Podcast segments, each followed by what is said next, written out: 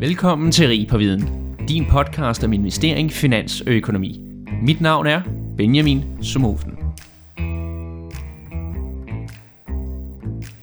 Episoden har vi lavet i samarbejde med Nordic Finance and the Good Society for at kaste nyt lys på finanssektoren i Norden og diskutere en mere ansvarlig retning for sektoren i fremtiden. Målet om at udbrede forskning inden for området og skabe debat om den finansielle sektor støtter vi 100% op om. Tag et kig på deres hjemmeside nfgs.dk, hvor der ligger masser af fed forskning og seminarer om ledelse, bæredygtighed, pengepolitik og meget mere. This time I have invited Professor Jonas Hedman to the studio. Jonas worked for the Department of Digitalization at Copenhagen Business School. He has previously joined the podcast and talked about the cashless society. So, Jonas, welcome to. Thank you. It's a pleasure to be back here, Benjamin. Let's start with a little icebreaker. Yes. Since you work in the Department of Digitalization, when was your last time you, you had to make a physical ca- cash transaction? It was really good that you did send me the questions prior the pod there, so I had to think about this one. So I use three cur- currencies. I use uh, Danish crowns when I'm in Denmark. I live in Sweden, so I use Swedish crowns, and I travel abroad, then I use euro. So the last time I used Danish crowns was this spring uh, at uh, or on the ferries between Fehmarn, uh, between Rødby and Puttgarden, just to get rid of the last Danish coins that I had. So gone. The euro used, cash euro I used the last time was uh, on the 3rd of August on a refugio in the Alps called uh, Refugio de Fus. They don't accept anything except cash there because it's, they don't have any mobile coverage. Swedish coins and notes, I don't even remember the last time I used them. Yeah, that was actually also a, a main topic about last podcast when we say Yeah. they're going to be one of the first countries being totally cashless. So the great advantage of cash is when you went to the ferry is that when you got your cheese sandwich or whatever you, you had on the ferry, you paid it and the receiver got the cash instantly. But this is not always the case when you pay with your credit card. And this is also the, the topic today. So let's start very briefly. When we say instant payment, what, what is it and who uses it? So, instant payment, or quite often called or labeled real time payments, is when the payer's accounts are deducted and at the same time their payee, the receiver of the money, receives it immediately. As quickly as possible, it can be done technolo- technologically wise. And that you do in Denmark, it takes a few seconds and then it's done. That is what an instant or real time payment is. And it's used by individuals, uh, particularly the mobile pay, or is uh, how we do it. Also, when we do account transfer at the our internet banks or mobile banks, and also companies use it when they do their account transfers. But there are some limitations also of when uh, a payment can be, say, instant. Is it about five- 500,000 Danish crowns? It takes longer time. Yes.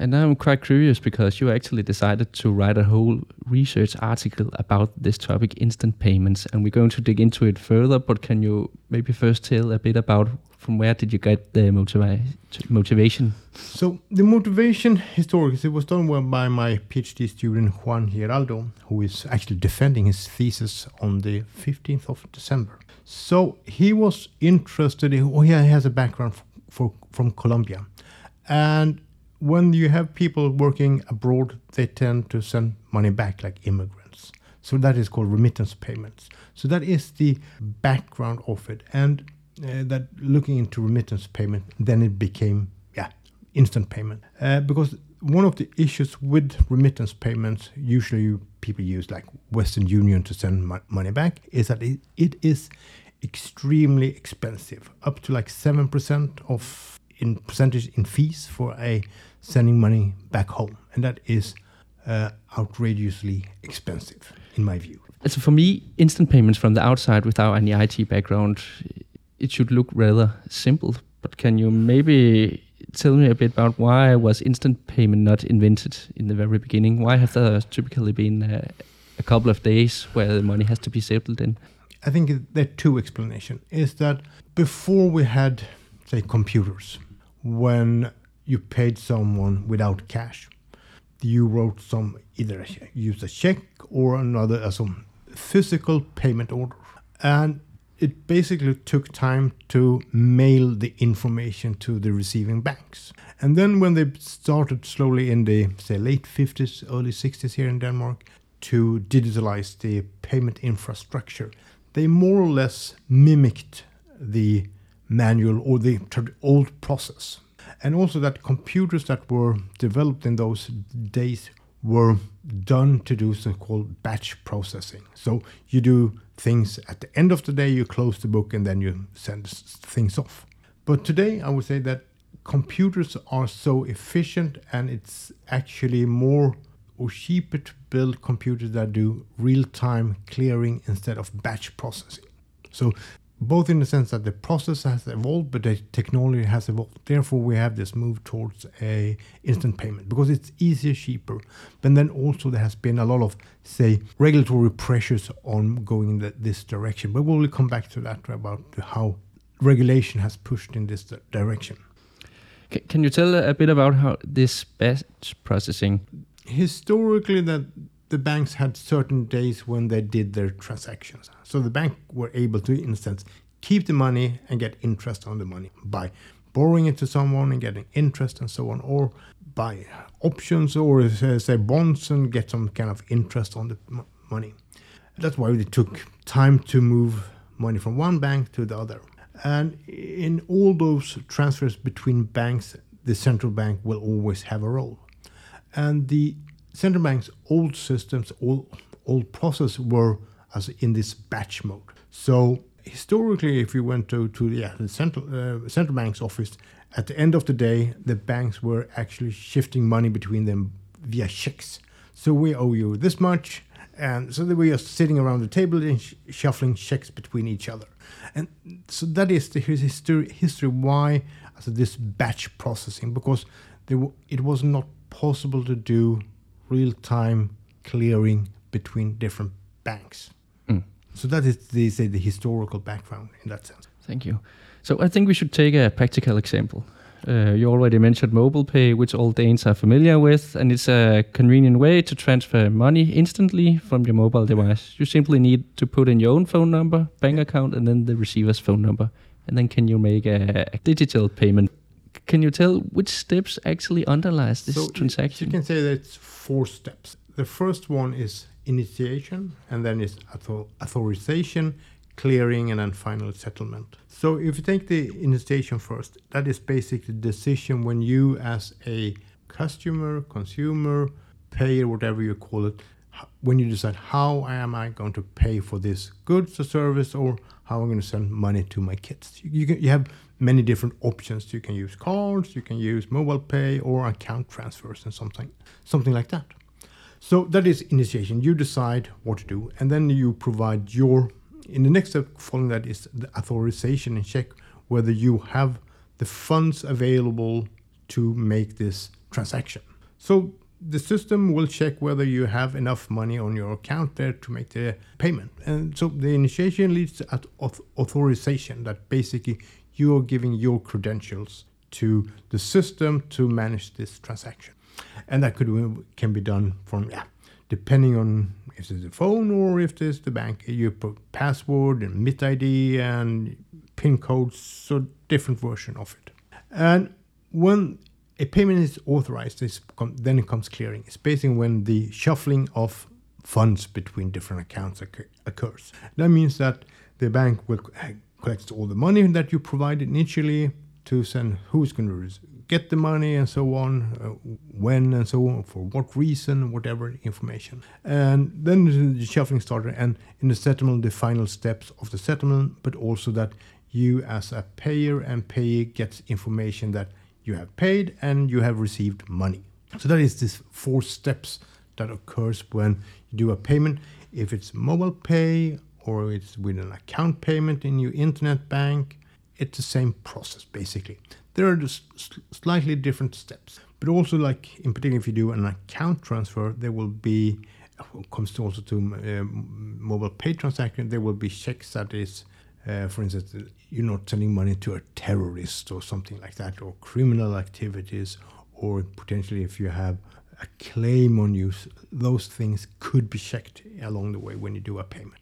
Can you put a bit more words on step three, the clearing part? So if I send you 300 crowns, what, what is it that have to be So- cleared?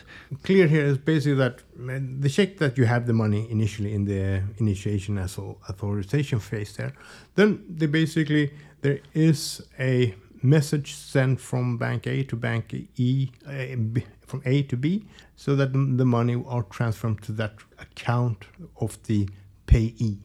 Uh, and also in the like in the yeah the settlement phase where you send the information to the parties involved in this transaction. And yeah so it's uh, and this happens in a few microseconds when the bank systems basically do this. And then at if it's a mobile pay it happens in real time. But if it's a larger transaction for yeah, say above 500,000 then it will just happen a few batch processes during the day there's just a cap on that it's not due to technology it's more to policy rules and that makes that delay basically uh, for larger transactions Yeah, so it's maybe to get some control in the Yes. money system as Yeah. well. So that's the issue with, in general, we say with instant payment or real-time payments is that there are equally this drive towards instant.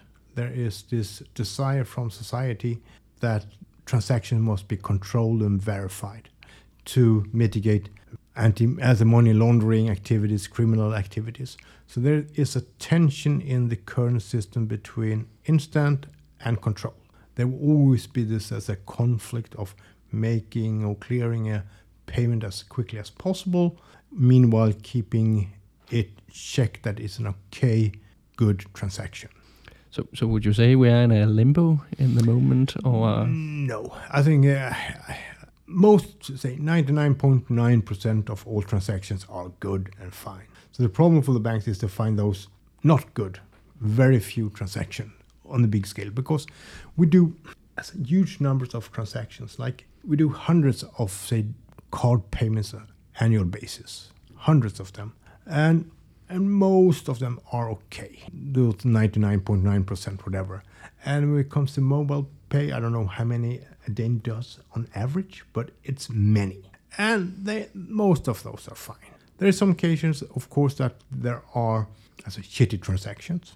Uh, but if you're doing a shitty payment, people tend to prefer cash. At least what I know, what I heard about in Denmark. But in in Sweden, for instance, there is cash is dead. You can't use it for anything, basically.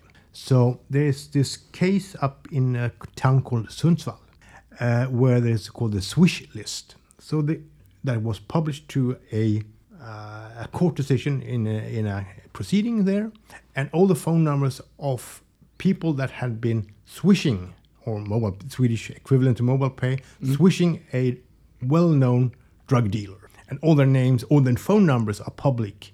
Uh, so people have been Google. So everyone, it's kind of funny story. So uh, in Sweden, they do pay drugs with electronic means, which is yeah maybe not so good. so why why do they do it in with, with instant payment or Well, payments? the- okay, so Swish works like mobile pay basically, yeah, and if you get cash in Sweden, you can't spend them. Yeah, but can you only spend it in the supermarket in, in well, Sweden? you can, you, yeah, but how much food is a drug dealer going to buy? Yeah. Okay, there, there are basically three places where you can buy use cash in Sweden. Mm. Okay, uh, larger food markets, yes, that works well. Uh, uh, pharmacies, perfect, and of course Systembolaget, where you can buy your booze, beer, and alcohol. That's those are the only three places guaranteed that will accept cash. Otherwise, it is uh, yeah, it depends. Yeah, so you will be very well feeded, but that's the only Yeah. thing you can You be. will be drunk and well fed, basically, and uh, they can get some aspirin afterwards. okay. And that's quite interesting, actually. Yeah. But I also heard that it's because the difference is that here in Denmark, you're not allowed to deny cash, but that's not the case in Sweden. Well, in Sweden, the merchant is allowed to decline cash. Yeah. In Denmark, not because of the old uh, payment law from '82 when you got Dankort. So, uh, so in Sweden, we have the same legal framework, more or less. Uh, our contract law is it's copy between Sweden, Norway, and Denmark. It's basically the same people wrote the same legislation back in the, those days in the 20s. And so in Sweden, basically, contract law wins over banking law. But in Denmark, you have re- rewritten the banking law so that the banking law has law has a higher precedence than the contract law in the case of payments. So that's the difference. So in Sw- Sweden, Swedish merchant can put a sign on his store, "I do not accept cash," and that then when you enter a store, you have entered an agreement with that store that they don't accept cash. Yeah, and I, I suppose since it's more expensive to handle cash and they can deny it, then everybody do it. Yes. Yeah. So nowadays it's more expensive for a average merchant to accept cash than the marginal profit from cash sales because the cash sales are so limited today. Do you know approximately how much it costs to accept, let's say, 100 Swedish, uh, 1,000 Swedish crowns in cash contra uh, and digital? No, it's ru- I don't know the exact number. They say it's roughly three to four times more expensive to accept cash than electronic payments. That's quite significant. Yes. As we talked a bit about before, there is a limit how much you can transfer because you also want to have some control in the systems. But uh, in regarding of instant payments, there actually happened uh, quite a, a huge agreement some years ago when a system called SEPA was fully launched, and uh, it means that customers they can make cashless euro payments to everywhere in the European Union, and suddenly you can transfer up to 100,000 euro instantly in the in less than 10 countries. Yeah. You uh, it, That- it doesn't look like you. It's it's everywhere, but uh, Uh, so it's coming. So SEPA was or is a directive or legislation framework from EU. So the aim is to create one single European payment area. So basically, it would be no difference sending money as within the eurozone. The issue that we have is that Denmark doesn't have the euro, Sweden doesn't have the euro. So we are not. So it doesn't really work for us to the same same extent. So when I do on regular basis send money home to Sweden to spend them there, it takes days. And I just had to yeah change bank in Denmark due to that the former bank was bought by a Danish bank. Now it's even slower. The same, but what is interesting, it's faster to send money from, or at least for me, have been faster to send money from Denmark to say Italy than from Sweden to Italy. Okay. I don't know why. You're a little bit closer to Italy, of course. You're south. Yeah. I don't know if that explains it, but uh, something is so. And but I have never tried to do a SEPA payment within the eurozone, like having an account in, say, Germany and one in the Netherlands. I've not done that. See if it is an instant payment. But in, but in theory, all transactions up to 100,000 euros Yeah. should be instant within EU countries with the Yes, euro. Yeah. Yes. It, within the eurozone. Okay. So since we are outside the eurozone, we are so there needs to be a con, an exchange Mm. between Swedish crown to euros or Danish crowns to euro. Yeah, so it takes some some time. Unfortunate. Unfortunate. Unfortunately, do you think it's coming, or are they still handling troubles with the SEPA system? Though, also the systems that runs this, they run by the uh, European Central Bank. They would easily manage it. So I think it's more on practical level whether the banks wants to have it as quick transfer, but also that if we're going to send money from say Denmark to yeah, Germany, it has to pass through well the Danish central bank and then over to the European central bank and then to the bank. So there are a few more steps. One more central bank involved basically in the transaction. Yes. So that takes potentially a little bit more time, but should not take so much time as it does. So is the system still too fragmented, or what is happening? Well, well, we wrote about fragmented. So then, in that case, it comes to the global perspective on instant payment, and there aren't that not that many, say, global uh, payment systems. You can, of course, you can see Visa, Mastercard, Amex as like glo- payment, global payment systems, but then okay. Eh, usually, when you pay abroad, you use your credit line. So then you pay maybe at the end of the month or a few days later. The receiving party will get the money maybe week, a couple of weeks later, and so on. But Western Union is rel- relatively fast, so they have their own, say, network of yeah, entities where you can deposit money, send the money, receive the money, and so on. But it is extremely complex. So that's why we come to this that there is a high degree of fragmentation, even though Europe is becoming more and more consolidated and with the new systems and the new as an open finance directive that was in place now in June, we will see a better integration at least within the eurozone. If Sweden and Denmark will benefit from that, yeah, I hope so. But yeah, let's see what the future say. Yeah, and uh, I totally agree. It's it's maybe annoying that receiving your your your payment when working in Denmark and have to transfer it home to Sweden yeah. where, where you live. Yeah. But if we look from a society's perspective, apart from being annoying, are there any social benefits of payments become instantly around Europe?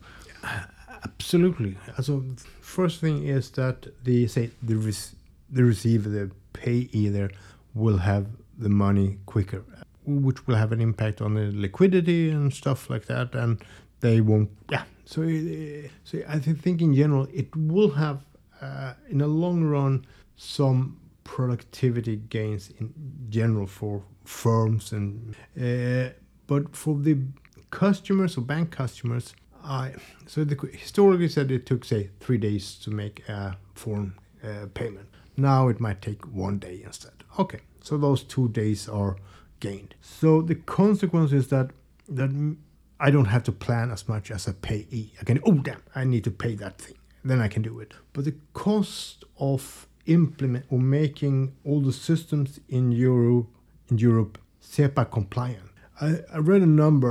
I don't know if it's true, but yeah, it sounds not impossible. 20 billion euros to make all the banking systems compliant. Uh. Because every systems, system needed to be fixed that were involved in the whole payment infrastructure. So, the, so the only one who made yeah, gain from this was IT consultancy that had to do all the fixing or the IT uh, department. yeah. uh, so, uh, but it was driven by some politicians in the EU Parliament that thought this was blah blah blah blah.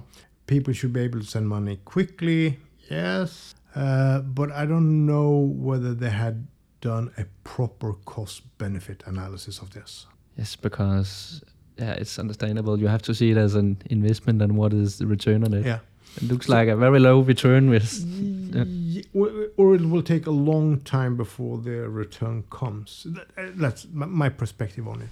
But now everyone has yeah, all the banks in Europe are compliant, and all upcoming systems and both Denmark, Sweden, and Norway are becoming integrated into the say the European as a payment infrastructure. So this is, and I think that in a longer perspective, it will have some clear benefits for society. Hopefully, uh, better productivity, and that will lead to higher growth, more employee employment, and so on, and we will become richer. But I think it will take some time. So uh, we are in progress, I hear. And you also made a, a, research article which is called "The Involvement of Global Instant Payments," and it easily get very complicated.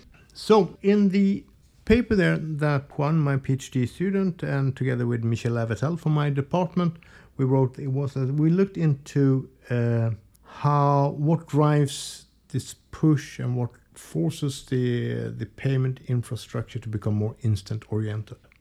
And what we saw there that there was this uh, transactional need to increase the speed of payments as a key driver and comes also from the legislation there in sense. Also that what one can see that the on a broad scale that the payment infrastructure that yeah exists and have been existing for a long time is becoming more and more say modular component based which makes it more easily to adapt change and transform over time compared to the old systems that was just one big concrete block very difficult to change modify but with a more modern architecture it becomes easier to make changes and that is what is used to uh, enable instant payment. And then also these uh, this regulatory pressure from EU in particular that uh, EU wants instant payment across. But we can see similar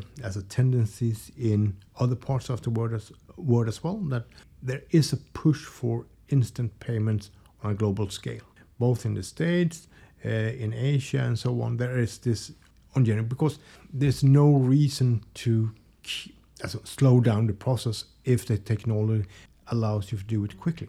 The thing that what is a factor that is against us in uh, in the Nordics here is that since we were extremely early in digitalizing uh, the whole say payment landscape and the whole banking infrastructure starting yeah early late 50s early 60s and still components of our Uh, the core systems in the Nordics are designed built developed in the 70s but and they're built for this batch processing. That's how they were designed. So now they have to put layers on to make make them instant. So that's that's how this modularity is that you can put this layer on top to make this faster processing. So that is the key thing that we identify there that these are the key mechanisms driving or pushing us towards this instant payment world. And if we should drag it all together, what uh, what would your suggestions be from this research? Uh, what we don't really need to look into more is that so what we do or did in this paper, and we're still at a fairly high level talking about regulation. So different parts of the regulation. So the say the whole all the regulate most of the regulation on say related payments talks about faster, faster, faster. But then you have other regulations within the EU body that says, "Oh no, hold on, hold on, not so fast." So, uh, for instance, there are the all the data protection legislation that puts kind of brakes on things. Also, uh, the competition rules also put brakes on collaboration. So, banks are not allowed to collaborate, and exchange information to to a degree that they would like to, because legislation would prohibit them to do that. So there's a really interesting dynamics between different sets of regu- regulation and how that will play into payments. And then now also we have the whole thing with artificial intelligence and how that will come into play within the uh, within payments. And so I think if we look a few years in the towards the future and maybe when we have the metaverse if that comes we will basically just think of paying and the payment is done. That's a interesting ending. I just have a last question yes. before, and it's because uh, you can't make any research about relating it to environmental no. issues, and you also did it this time. Yes. So you uh, you state that evolution of instant payment it drives the society closer to the sustainable development yep. goals. Yes, and there's particularly one or two of the goals that e, e, uh, UN has, and that is towards the poor people. And the issue or the, the key issue that United Nations pointed out was this 7% for making remittance payment. And so I think instant will decrease or will eliminate or decrease those as a fees that is done for instant payments. But also there's a recent uh, study from from the World Bank said stating that electronic payment is the best inclus- inclusion effort we can do because if you have electronic money, you need to have an identity, and in many part in many countries, in particular, women doesn't have an identity. But if we have electronic money, then they will have an identity. Otherwise, they can't access the money. So I think that will clearly contribute to the different sustainability goals that UN has uh, envisioned. Thank you very much, Jonas Hedman, for joining Rig på Viden once again. Thank you very much. My pleasure. My name is Benjamin Zumofen. Tak for, at du lyttede med til Rig på Viden. Jeg håber, at du lærte noget, og hvis du nu synes godt af vores podcast, så kan du støtte os ved at følge den på Spotify eller skrive en anbefaling på iTunes. Inden på LinkedIn, der kan du følge André Thormand, Benjamin Somofen eller Henrik Fode Rasmussen. På genhør.